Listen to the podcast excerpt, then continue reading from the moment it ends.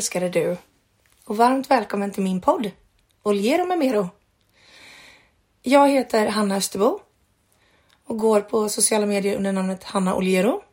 Det låter som att jag är askänd, det är jag verkligen inte.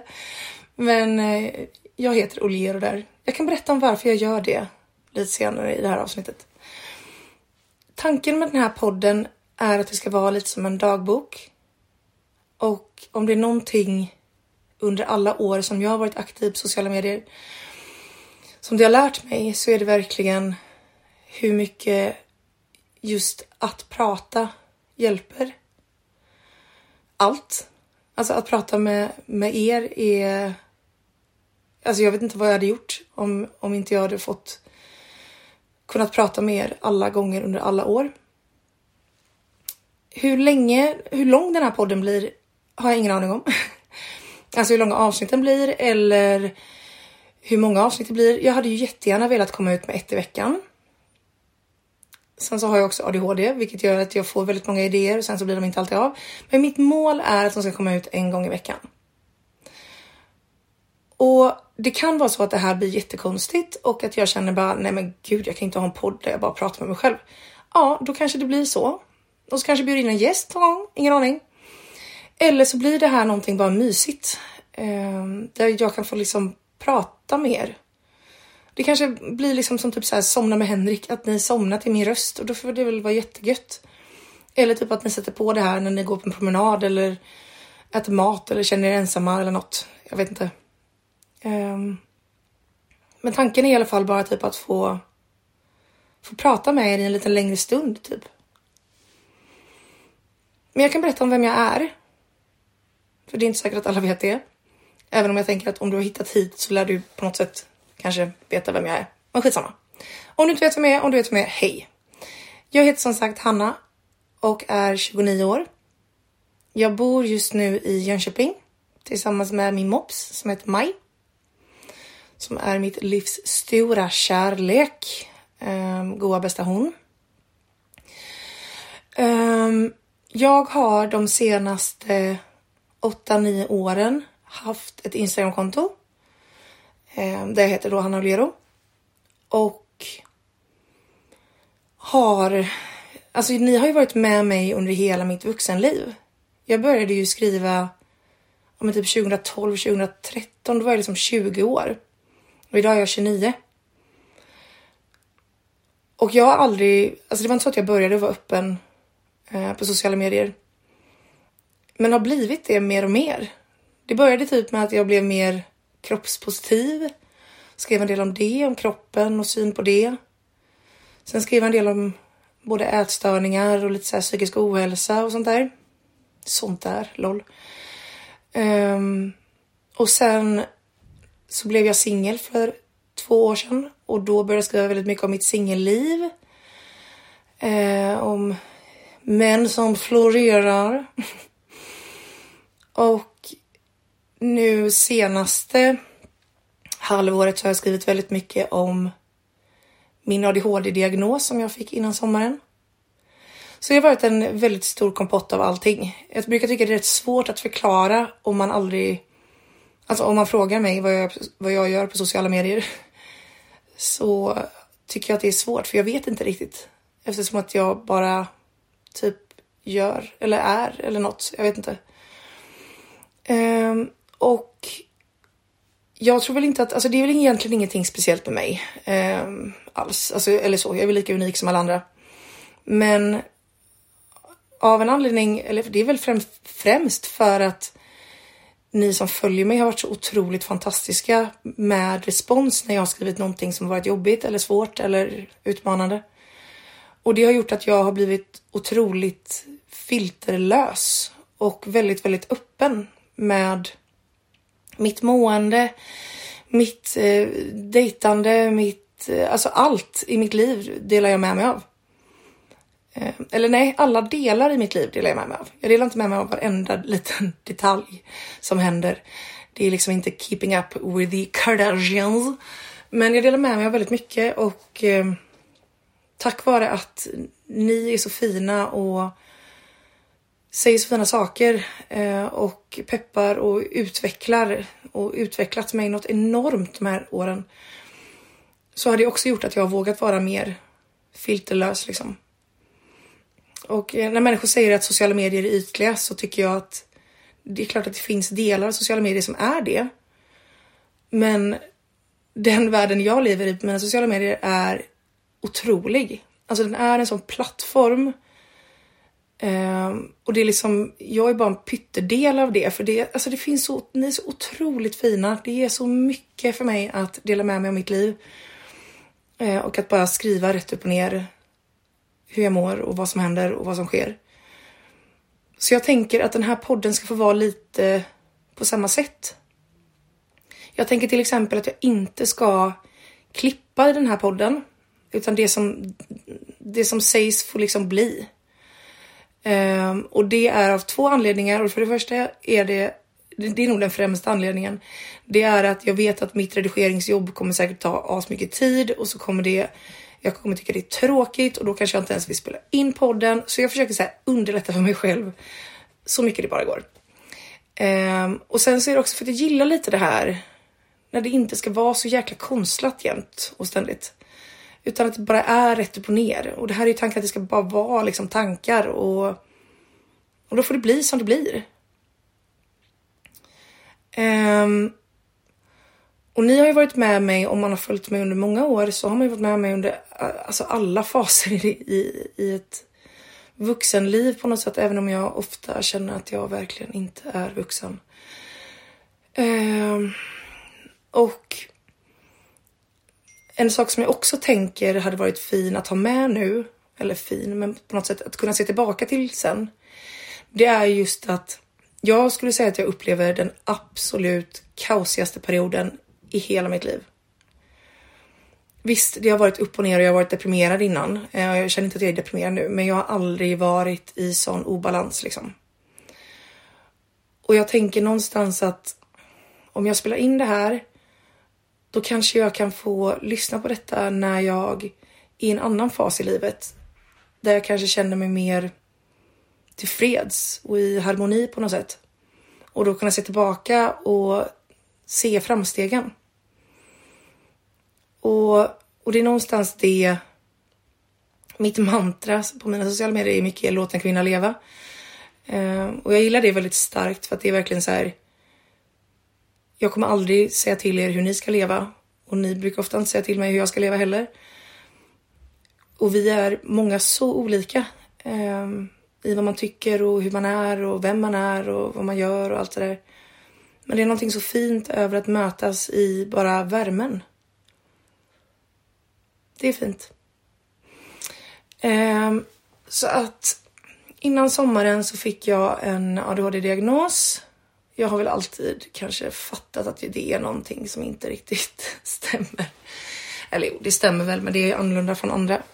Ehm, men jag har alltid känt kanske en, ehm, ett kaos i mitt huvud som jag inte har upplevt att andra känner. Ehm, vilket gjorde att jag gjorde min första ADHD-utredning 2017, 18 typ. Men då levde jag också i en väldigt så här, stabil relation och eh, hon sa liksom att du har absolut ADHD-drag men det, du når inte upp till kriteriet för att kunna få ADHD måste du eh, du måste ha så att det blir en funktionsnedsättning liksom. Och det gjorde jag inte då. Eh, sen så när den goa goa pandemin kom eh, så och det blev distans, då pluggade jag. Då upplevde jag att livet blev mycket, mycket svårare för mig när eh, jag inte kunde gå till skolan. Det var svårt att upprätta rutiner. Eh, och det som hände då var att jag påbörjade en ny utredning och då fick jag en medelsvår ADHD kombination eller vad det heter. Och detta var i maj, slutet på maj. Eh, och nu är det november. Och det som är nu då är att jag är i kö för boendestöd. Eh, och boendestöd är en insats som, alltså jag, jag, kan inte säga den totala definitionen för jag vet inte exakt vilka som kan få boendestöd. Men om man har det då kan man i alla fall få det. Och boendestöd är en, en insats från eh, socialtjänsten. Eh, där människor kommer och liksom Alltså de kommer inte hjälpa mig att städa, men de kommer kunna hjälpa mig att skriva en lista på att jag ska städa och se till att jag följer upp den, typ. Eller planera, eller liksom sådär. Min underbara, älskade, fantastiska mamma, eh, Eva, har gjort jättemycket för mig. Både innan, men framförallt efter jag fick min diagnos. Eh, I form av listor och följa upp och sådär. Eh, men det hade också känts kanske lite fint i att, att hon får vara mamma och inte liksom boendestöd. Eh, så där är jag i process. De ska höra av sig inom några veckor nu. Ehm, och sedan så eh, kommer jag också att påbörja en medicinsk behandling inom någon vecka typ. För jag beslutade mig för att söka mig via en tjänst som heter eh, ADHD ADHD-guiden. Vad heter den? ADHD-hjälpen? Jag vet inte. Den heter någonting. ADHD någonting. Um, och det är en online-tjänst som man betalar för det.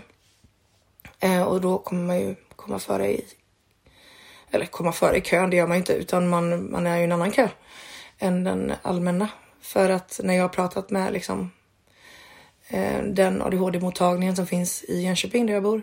Eh, så i och med pandemin så har de blivit, det har blivit mycket förskjutningar och förseningar. Eh, så när jag ringde i september då hade de liksom inte ens börjat ta nybesök för sådana som har fått en diagnos under hela året. Vilket gör att det lär ju dröja ytterligare, nu i alla fall då, ett år tills jag får komma till mottagning. Eh, och eventuellt då påbörja medicinsk behandling. Och det känns totalt orimligt. För just nu så funkar liksom inte mitt liv. Ehm, jag jobbar ju då som influencer bland annat.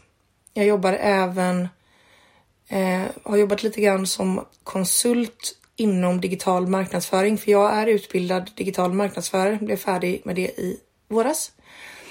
Eh, och har gjort lite konsultuppdrag. Eh, och det kan vara till exempel att skriva manus för en reklamfilm eller för ett projekt. Eh, men sen så jobbar jag en del då också med influensandet. Och det är, det är verkligen jättekul och det blir ofta bra i slutändan.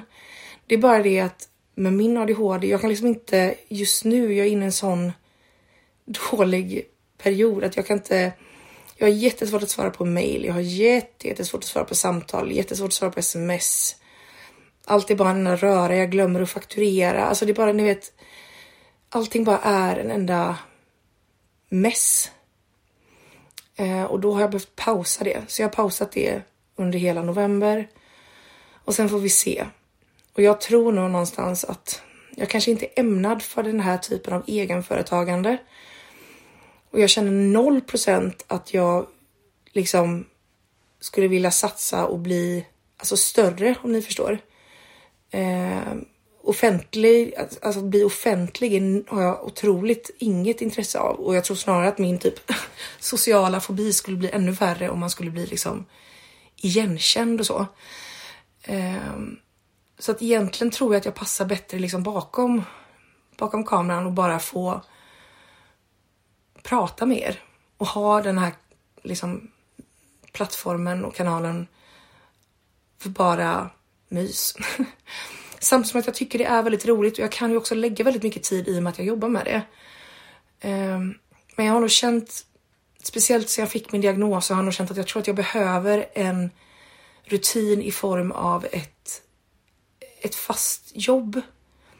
eh, på en arbetsplats, att åka bort och jobba liksom, och komma hem, vara ledig. Den, det snurreriet, jag har liksom inte förmågan att upprätthålla ett så pass schema att jag någonsin känner att jag varken jobbar eller är ledig. Utan allting bara går ihop med varandra på något sätt. Så att just nu söker jag lite jobb eh, inom, framförallt inom kommunikation. Jag skulle säga att jag, mina främsta egenskaper är att jag är bra på att skriva.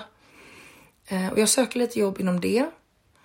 Men det här är också lite så här rädsla för en arbetsgivare, vad de kan tycka om att jag är väldigt personlig på sociala medier. Samtidigt som jag också, jag, jag tänkte på det idag när jag åkte bil. Att så mycket tid som vi ägnar på sociala medier, så mycket tid som vi lägger på de här plattformarna.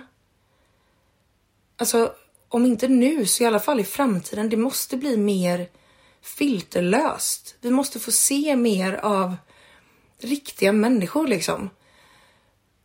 Och jag känner inte att jag skriver någonting som jag överhuvudtaget skäms över.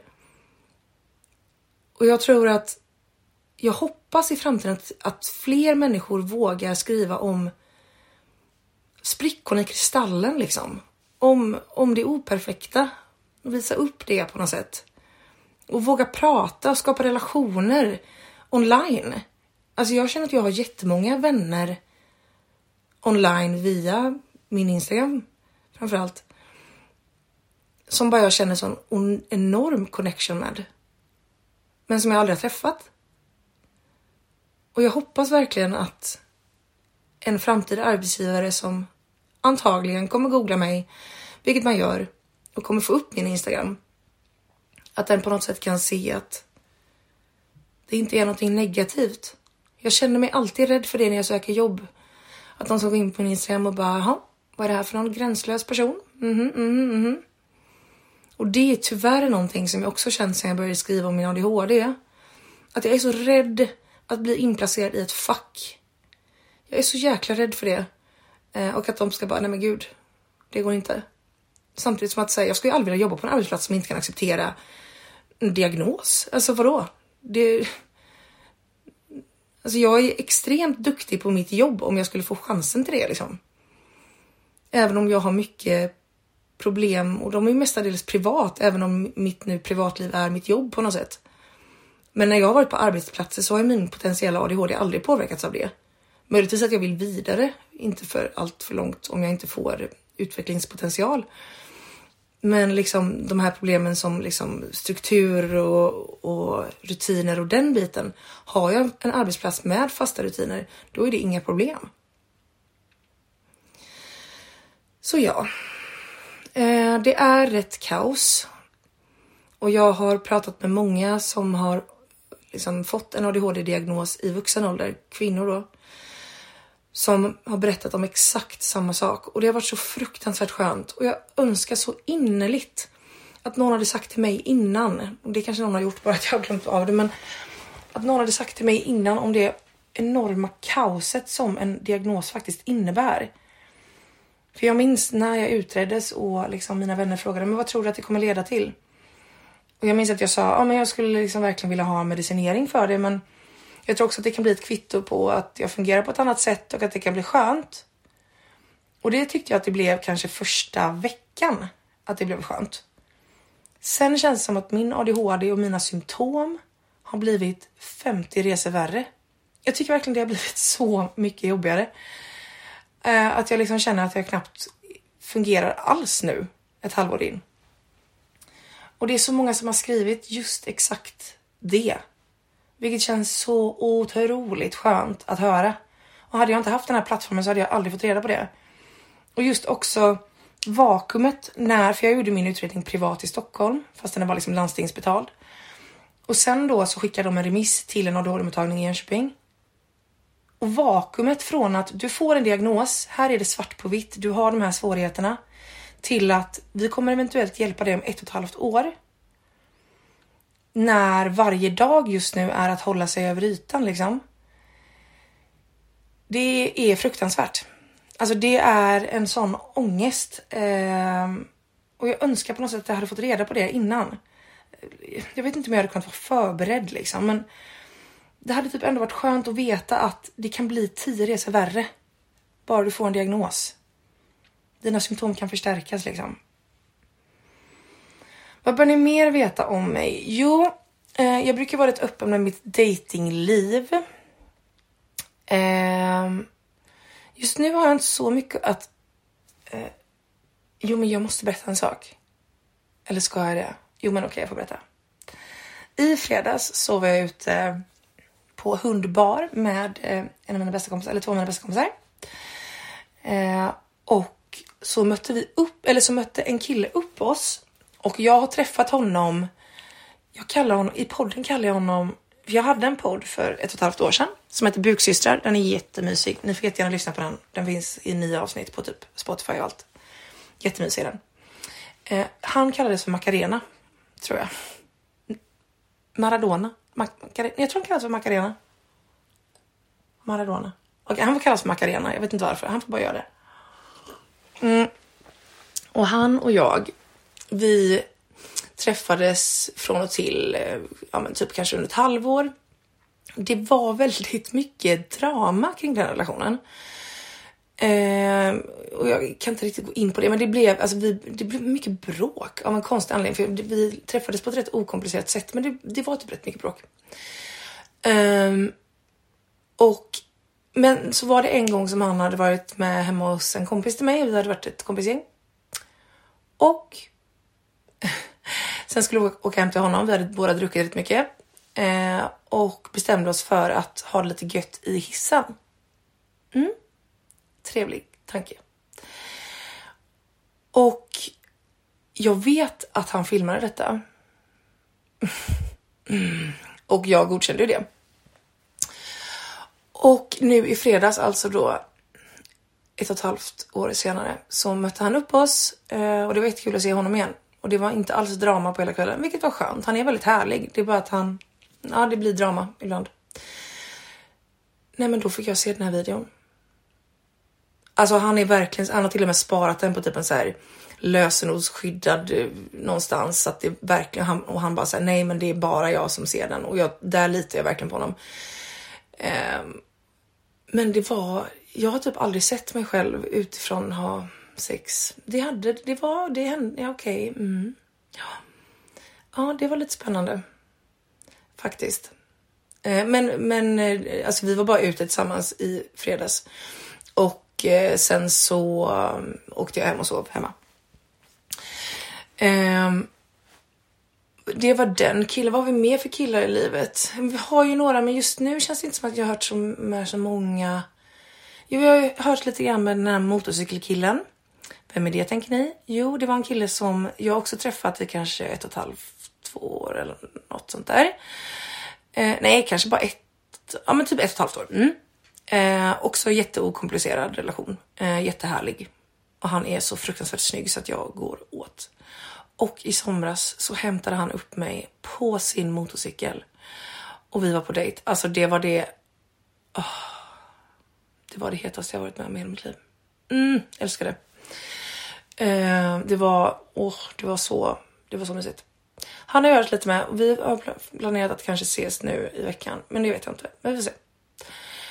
Eh, ja, vad är det mer? Jo, just det. Jag har ju alla män jag pratar om både här och på min Instagram har jag kodnamn för. Och det handlar ju framförallt om deras integritet och att jag vill aldrig liksom prata, prata ner män jag träffar. Jag vill bara prata om sex och dating på ett rätt enkelt sätt. Eller så eh, men typ så att inte de ska känna att de blir outade liksom. Eh, ja, just det. Jag, när jag dricker alkohol så blir jag mitt alter ego Regina Östersmilsk. Eller Regina. Ehm, hon är väldigt eh, kärleksfull, eh, ännu mer kåt skulle man kunna säga. Ehm, ett problem nu sen min, eller bara senaste månaden skulle jag vilja säga, är att Regina har blivit Tragina. Ehm, och för mig har, alltså det har blivit, jag har fått sådana snefyllor nu på senaste. Där jag, nej men jag har fått blackouts och jag har blivit gränslös. Jag har hamnat i fyllecell. Vem, alltså vem jag, blir det när man är 29 år? Snälla. Um, ehm, så att jag har känt att jag behöver ta det lite lugnt med alkohol. Um, också för att jag kommer göra en medicinsk utredning och då behöver man ha inte för höga halter av långtidsalkohol, alltså så mycket du har druckit senaste månaden typ. Så jag försöker dra, liksom, ha dragit ner på det rejält mycket nu. Jag drack lite vin igår. Det var väldigt trevligt med min syster. Men annars så, ja. Ja, nej men det är väl jag för den här gången. Jag funderar på att ha typ så här. Ja, men lite frågor i podden. Alltså att ni får fråga saker typ eller något. Och komma med ämnen. Och kanske ha lite uppdrag till mig själv. Jag vet inte. Um, vad skulle mitt uppdrag bli till nästa vecka i så fall?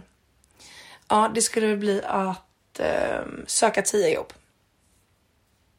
Det är mitt mission till nästa vecka. Annars så tänker jag att nu har det gått 25 minuter. Jag tänker att det är rätt lagom för en podd. Man vill inte, inte ha det för länge. Alltså jag tänker ni kommer ju tröttna på min röst. Plus att jag måste komma på en jingel. Ni kommer antagligen höra den det första ni gör nu när ni lyssnar. Men jag har inte gjort den än, så den måste jag göra nu. Och så har jag jättemycket trattkantareller som jag måste rensa. Och så vill jag umgås med mina föräldrar som sitter på övervåningen i soffan. Och mig. eh, tack så jättemycket för att ni har lyssnat på det här avsnittet. På det första lilla avsnittet. Förhoppningsvis kommer det jättemånga fler. Eh, och tack för att eh, jag får vara ärlig Tack för att det här får bli som en liten dagbok liksom. Ni får jättegärna skriva till mig på Hanna Oliero, O-L-I-E-R-O, Hanna med H på slutet, givetvis, eh, på Instagram. Jag är inte jättebäst på att svara, men eh, jag försöker. Inte, alltså som sagt, jag kanske svarar 10% men eh, det är en del av min goa sociala fobi som vi kan prata om en annan gång. Eh, annars så hoppas jag att du tar hand om dig. Och så kan vi höras. Vi hörs ju på Instagram säkert snart. Men annars så, så hörs vi nästa vecka.